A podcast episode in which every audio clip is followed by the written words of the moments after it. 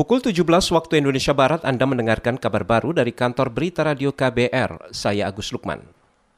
Komisi Aparatur Sipil Negara KASN mengeluhkan lambatnya respon pejabat pembina kepegawaian atau PPK dalam menindaklanjuti rekomendasi pelanggaran netralitas ASN menjelang pemilihan kepala daerah. Wakil Ketua KASN Tasdik Kinanto mengatakan, sejak awal tahun ada hampir 500 aparatur sipil yang dilaporkan atas dugaan melanggar netralitas menjelang pilkada. Komisi Aparatur Sipil Negara mengeluarkan rekomendasi sanksi kepada 370-an aparatur sipil yang terbukti melanggar.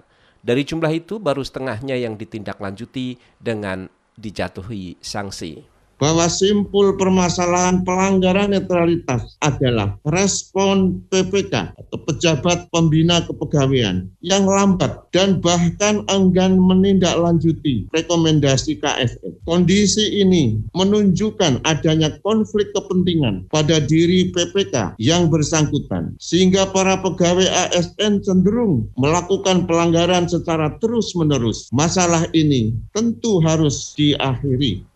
Wakil Ketua Komisi Aparatur Sipil Negara Tasdik Kinanto mendorong agar surat keputusan bersama lima menteri segera ditandatangani.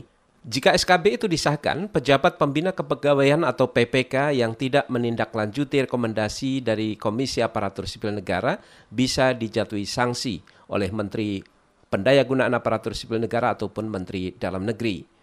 Selain itu, aparatur sipil yang terbukti melanggar netralitas namun belum dijatuhi sanksi, maka data kepegawaiannya akan diblokir dari sistem aplikasi pelayanan kepegawaian. Kita ke Jawa Barat, PT Kereta Api Indonesia Daerah Operasi 2 Bandung mencatat ada 12.000 lebih penumpang kereta api jarak jauh selama masa liburan Tahun Baru Islam. Juru bicara PT KAI Daops 2 Bandung, Noksi Citrea, mengatakan angka penumpang itu mengalami kenaikan hampir 50 persen dari hari biasa.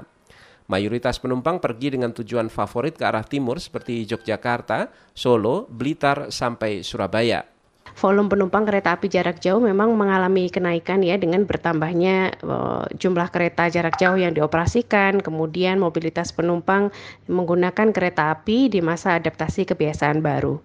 Data sampai dengan tanggal 24 Agustus ya terdapat 33.218 penumpang atau naik 154 persen dibandingkan dengan volume penumpang kereta api jarak jauh pada bulan Juli yang lalu. Juru bicara PT Kereta Api Indonesia Daerah Operasional Bandung, Noksi Citrea mengatakan saat mengangkut penumpang di masa pandemi, PT KAI juga tetap mewajibkan calon penumpang mematuhi protokol kesehatan.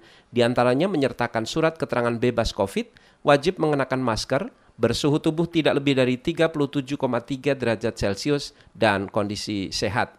Tidak hanya itu, PT KAI juga menerapkan protokol jaga jarak di stasiun seperti di ruang tunggu, antrean loket hingga saat boarding. Kita ke mancanegara, militer Filipina mengungkap identitas dua terduga pelaku bom bunuh diri yang terjadi di kota Jolo, Provinsi Kepulauan Sulu. Dua terduga itu merupakan perempuan warga negara Filipina. Dilansir dari kantor berita Filipina, dua terduga pelaku ini merupakan istri dari anggota jaringan ISIS. Sebelumnya dua bom meledak di kota Jolo pada Senin lalu, menewaskan 16 orang dan 70-an orang luka. Korban meninggal rata-rata adalah tentara, polisi, dan warga sipil.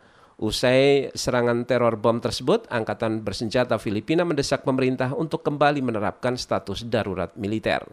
Demikian kabar baru dari KBR, saya Agus Lukman.